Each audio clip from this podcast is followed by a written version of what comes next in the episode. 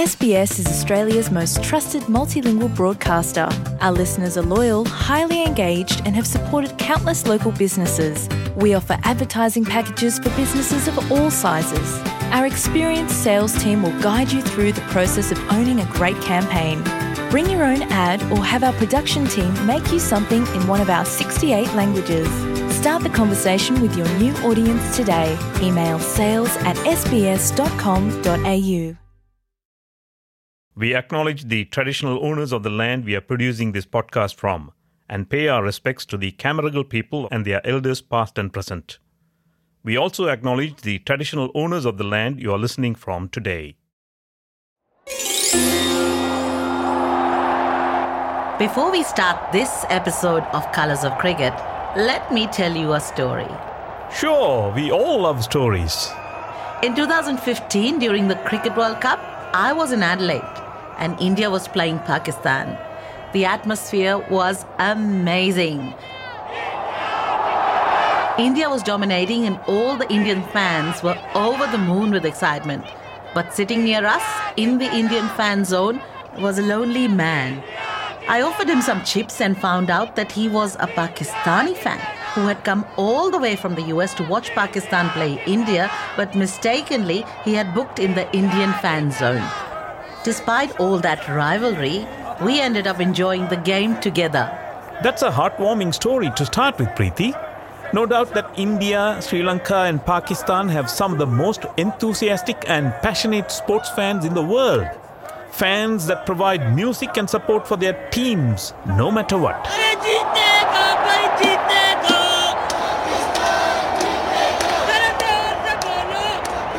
Over the last few decades, cricket matches in Australia have got accustomed to new kinds of drumbeat. And a different kind of vibe and energy descends on the fan zones. And the stands erupt in awe when certain players walk out to the pitch. And cricket becomes more than just a sport, it becomes a celebration. These are the new colours of the Australian stands. And we welcome you to Colours of Cricket. I say I don't like cricket. Oh no, I love it.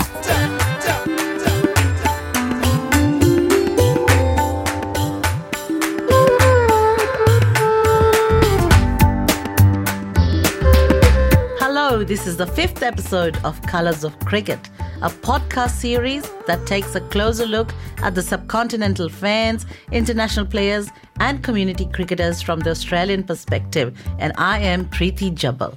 And I'm Kulasegaram Sanchayan. In this episode, we are going outside the boundaries. We are in the fan zones, exploring the color and the vibe, the energy and enthusiasm, and the money and glamour brought by cricket fans. Right up to the 1970s, there were only white jerseys, red cricket balls, and sober galleries. But now it has turned out to be more colourful than any other sporting event in the world. Undoubtedly, the South Asian fans fill cricket stadiums all over the world, Australia being no exception. And it leaves many wondering about where they are, including former ICC President and Chairman of the Australian Cricket Board, Malcolm Gray. I went to the to the Sidney Myer Music Bowl Bowl for the opening of the Women's World Cup not so long ago, last couple of years. I w- walked in with my wife and said to her, "My goodness, where are we? Are we in India or Pakistan?" Ninety percent of the music bowl was was occupied by people from the subcontinent. Is it any surprise, Sanchayan, that Malcolm Gray felt that way? If there is any cricket match in Australia where India, Pakistan, or Sri Lanka is playing, we often see more supporters for the visitors. Look at any match from the recent tour by India or Sri Lanka. Malcolm Gray says this is a new trend in Australia that became visible in the last few decades. if you go back, the crowding of the MCGs or the Sydney Cricket Grounds, whatever, up until certainly the 90s, where you, it would only be packed out when the English were here playing an Ashes series. Whereas now, teams from the subcontinent carry equal numbers in, in regard to crowd numbers and noise and colour. Former Australian captain Lisa Sthalekar says the Indian fans are showing the Australian public how to support a team. I think as fans, you, whenever India plays, men's or women's, they all come out in their droves and they show the Australian public how to support a team, how to get behind them, how to enjoy a day of cricket. The Indian fans have always been very supportive of good cricket, regardless of what audience. Cricket for me means culture. I don't like cricket, I love it. This is Colours of Cricket. The first time the presence of any South Asian fans at a match was reported was way back in 1897 when Indian born English batter Ranjit Singh played in the Ashes. The Daily News had reported on Ranji's countrymen at the Sydney Cricket Ground. A noticeable feature at the international match was the presence of a number of Ranjitsinhji's countrymen in the enclosure, dressed up in a manner that argued a keen appreciation of the silken thread of kinship. They watched the game intently, joining neither in the applause nor the contumely when a ball was hit to the fence or went through the fingers of the fielders. During the same series, a group of Indian immigrants living in the Western Australian town of Coolgardie sent a telegram to Ranji, showing their support and congratulating him on his excellent batting. Interestingly, 50 years later, during the first official tour of India in 1947, there were Australian fans cheering for the visitors. A newspaper report at that time says the hit and run batting policy of India's first test team to visit Australia has won over the Melbourne cricket fans. A report in the Herald newspaper showed glimpses of what to expect in the future. Compared with the English Test team, Melbourne finds the Indians faster and more spectacular. It also had comments from a few spectators, including this one. She preferred watching the Indians to either the Englishmen or the Australians who took all the enjoyment out of cricket by making it a business, not a sport. Matches in Australia began to see more subcontinental fans after the White Australia policy was abolished in the 1970s and more South Asians began to migrate. Former Indian captain and the legendary all rounder Kapil Dev remembers how he was supported and befriended by many of his countrymen during his first tour to Australia in 1981. It, it was first experience for me coming out in Australia and, uh, you know, seeing so many Indian or this part of the world people there and supporting uh, cricket. Uh, I think many people we made a friend. Uh, I don't know how today's cricketer are handling themselves, and in our time, yes, it was a big thing. I think the most glorious occasion for the South Asian fans to celebrate on the Australian soil was in 1992 when Pakistan won the One Day World Cup. It was only 30 years ago, but it was so different. No internet, no social media, no mobile phones. How did these fan groups come together? Even getting Pakistani flags before the final was not easy at all. Listen to what these two Pakistani fans, Arif and Irfan, had to say. There were a lot of guys were here, mostly from Karachi. They came here, and what they did was they brought the flags. They got some they made some flags at home. Probably they were coming from pakistan you know they went for holidays or something and they brought a lot of flags with them. So they distributed all the flags to us. That's how we got them you know, because that time you know, there was nothing much available for pakistan for sure there were no grocery shops or only maybe a couple of groceries indian shops there were not many Pakistanis in Melbourne Australia at that time. You know, I was a student, and uh, that day I, I was working part time and rushed to uh, MCG to watch the game. I mean, it's it's all memory now. You know, it was pretty easy to, to get the ticket at, at the gate, and uh, MCG was packed, so it was uh, magic. It gave the South Asian migrants and the second generation an opportunity to express their identity and culture in Australia. And that brought them out to the cricket stadiums more and more as fans. Journalist and commentator Gaurav Joshi, who grew up in Australia in the 90s, explains the changes that happened over these years. If you look at the early 90s, the, the subcontinent migration was quite quite low. You probably had only about 25 to 40,000 people in Australia. But that World Cup was the changing point because we saw more and more people coming through these various countries and we saw people started playing cricket not just at the grassroots levels, but we saw actually fans attending the ground as you go into the late 90s, 2000s, where a lot of the uh, student population uh, started to come through as well, and the migration had doubled. So it's been a constant movement, but like you mentioned, the 92 Pakistan World Cup was probably the start.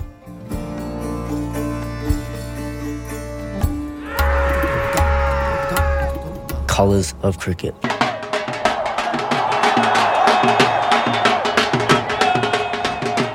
Have you ever wondered how these fan groups are formed and how they inject so much energy into the galleries? The leaders of the fan groups themselves are best suited to explain that. Papare Band is the most famous Sri Lankan fan group in Australia, and it was one of the first South Asian fan groups in Australia as well. Papare is in fact a form of music in Sri Lanka. In 2002, a group of five musicians came together and formed the band after Dihan Devage, one of the founders, was stopped from taking a trumpet into the MCG. Dihan explains the story. 2001-2002 uh, Sri Lanka tour of Australia. First match was at MCG. I thought I could take my trumpet and uh, took it, but uh, they didn't let me in because they had uh, no horns, no drums policy. However, after the game, um, I came out and grabbed the trumpet and started uh, playing the tune Surangani and followed that the uh, car park and the whole Sri Lankan crowd started following me and that's how I thought uh, I should start the band. And then they started traveling all around Australia when the Sri Lankan team visited. Stadiums eventually had designated Sri Lankan fan zones. When we first started, we could only play about uh, five to ten songs. Um, first time we played in Australia was Adelaide Oval. We went with 10 songs ready. We trained a couple of times before that. The whole Sri Lankan crowd started joining us, and then they started singing all the Baila songs that then it encourages us to follow their rhythm and play the tunes with our ears since that 2001 2002 tournament, we have traveled around Australia until 2019. It was not always that smooth. The cultural differences and the misunderstandings thereof have given them some challenges as well. At the beginning, we only had Sri Lankan Cricket Board support. In 2008, a certain thing happened at Telstra Dome, back in the days now called Marvel Stadium. We got permission from the stadium management and took the band, but Victoria Police didn't know that any band could come and play, and then therefore they kicked us out from the stadium. Then we came outside and played in front of the stadium, and there was a big screen. So the whole Sri Lankan crowd came out of the stadium and gathered around us, watched cricket on the screen, and partied with us. So that's what made Cricket Australia to come and work with us because they they asked the question why the Sri Lankan crowd behaved like that, and we explained music is a culture for Sri Lankans. So therefore, they initiated okay, let's have a meeting, and from next uh, tournament onward, that's where we started the fan zone.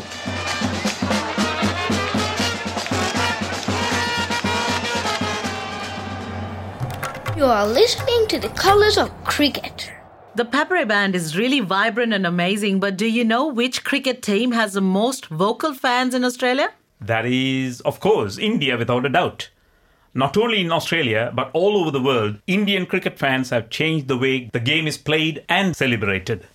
Fans like Sudhir Kumar, who paints the Indian flag on his body and writes the name of Sachin Tendulkar on his chest.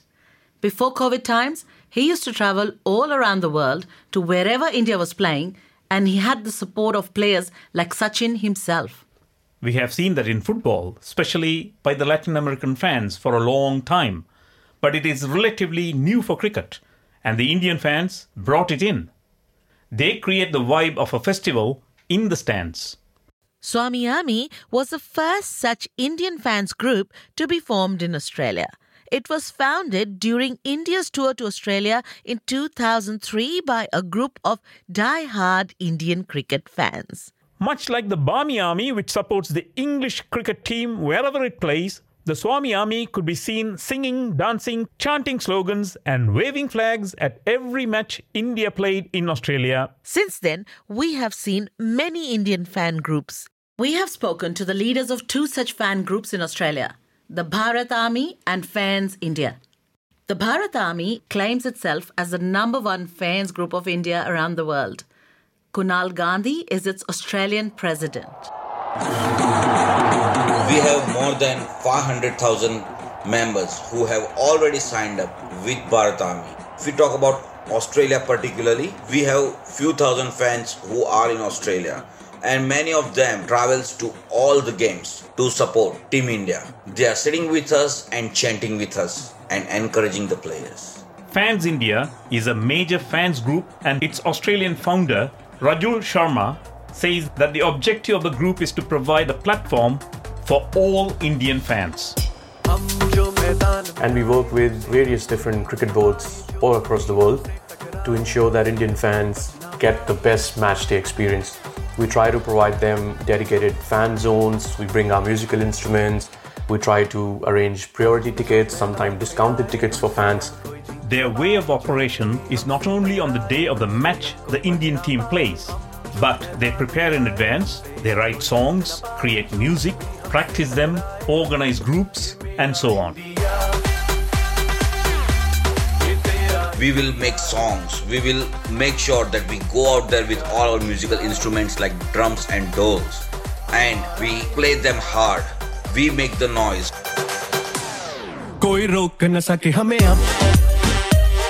We've produced six fans anthems, six songs, cricket related songs so far. It's not really a straightforward process. You know, we, we write the lyrics based on what's happening, what's the, the match, the, the whole series is. And then we work with our composer um, who doesn't really speak Hindi and our songs are in Hindi and our composer is from UK so he doesn't understand Hindi and then it's a bit of an interesting process that we go through. Match day is very big day for us. You know, it's very hard to predict how it will pan out, but there are certain things we definitely do. For example, we start from team hotel or wherever we are majority of our members are staying. We march from hotel all the way to the ground with our musical instruments, our members, our massive banners and jumbo flags. We book like a whole bay wherever team plays down under and we make sure that all of us are just on the feet and chanting for Team India. We will be continuously singing no matter what. If we lose our voice next day, who cares? But when we are on the ground, we will be chanting constantly, we'll be singing constantly, and we will be the one you cannot ignore on the ground. Our main goal out at the ground is to make sure that Team India is aware that their 12th man is out there uh, in the stands. They can turn ugly too. Though it's not as bad as football hooliganism in Europe, the fans do get into verbal banter from time to time. Yes. We have seen in the recent tour of the Indian team when sledging on field by the players were taken up by the fans groups as well. The Australian captain Tim Paine targeted young Indian batter Rishabh Pant. Then the fan groups came up with a song supporting him.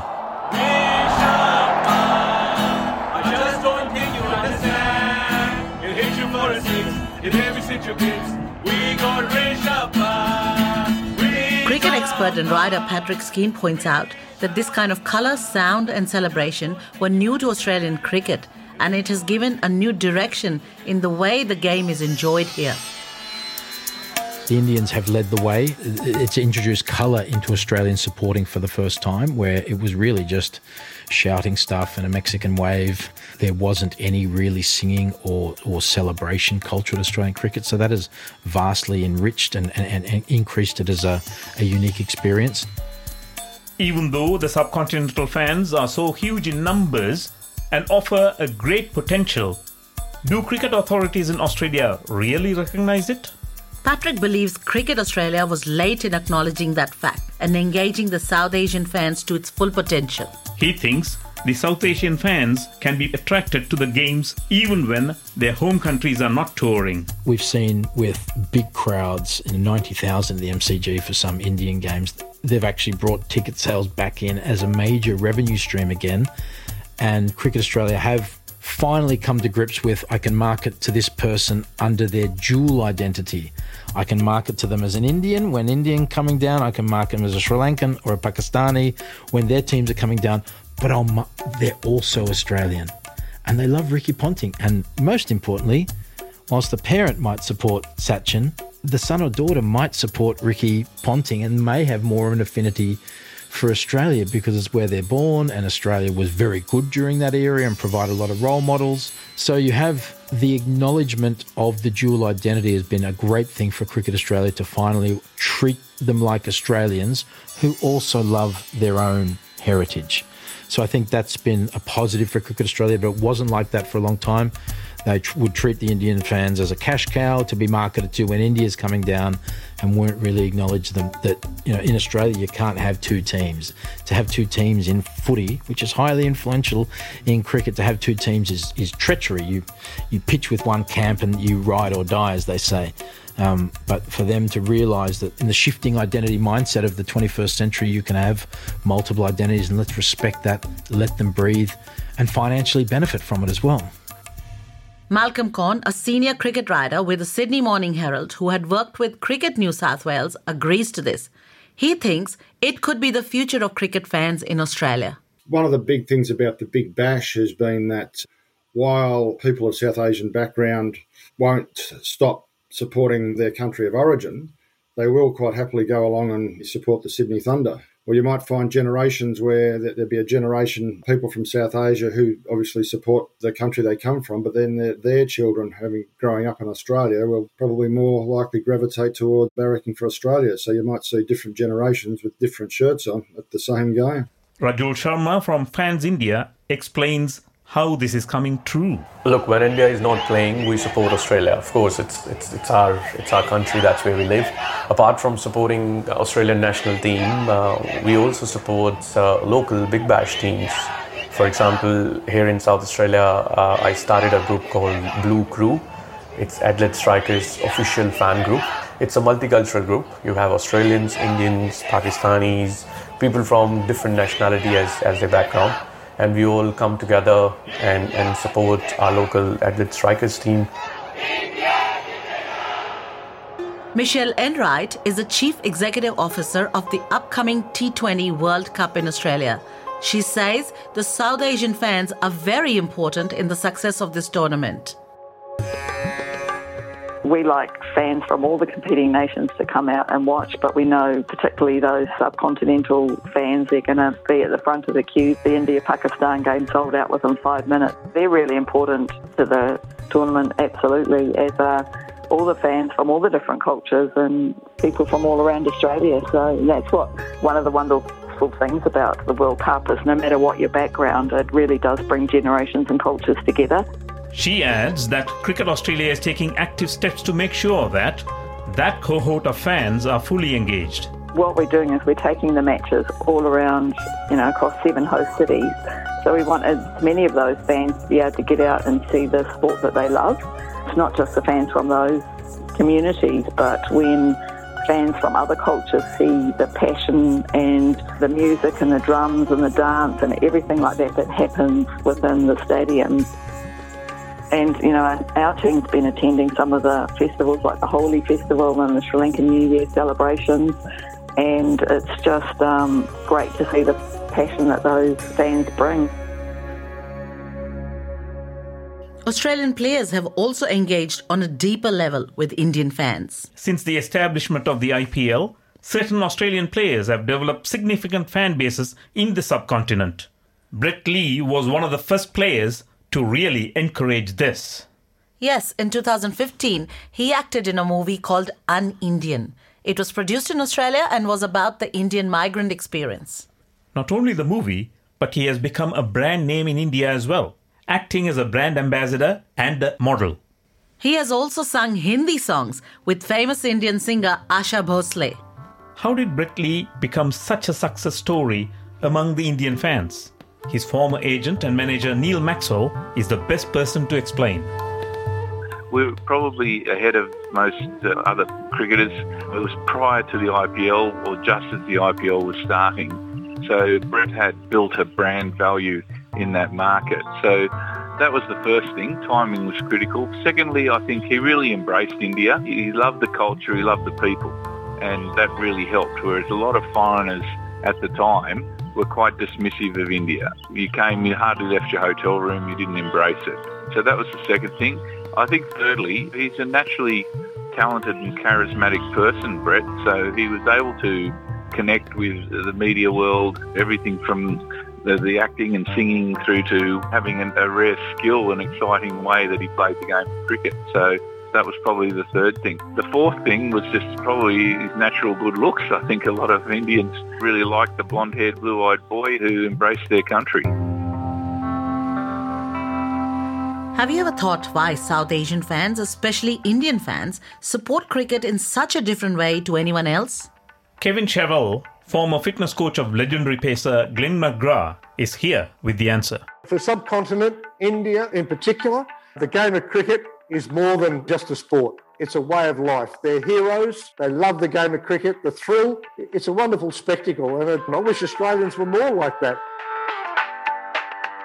You've been listening to Colours of Cricket, a podcast by SBS. Our production lead is Diju Shivadas. And the series producers are Sahil Makar, Avas Parajuli, Vatsal Patel, Preeti Jabal, and me, Kulasegaram Sanchayan. With input from the nine South Asian language programs at SBS and external advisor Patrick Skene. Sound design by Max Gosward. For more information, head to sbs.com.au slash colours of cricket.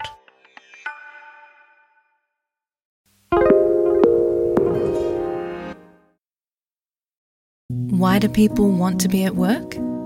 To feel heard, appreciated, part of something, and to know there's a career path for everyone. Inclusive workplaces are linked to increased innovation, productivity, and employee satisfaction. Make your organisation a place where people want to be. For inclusion and diversity training, visit inclusion-program.com.au.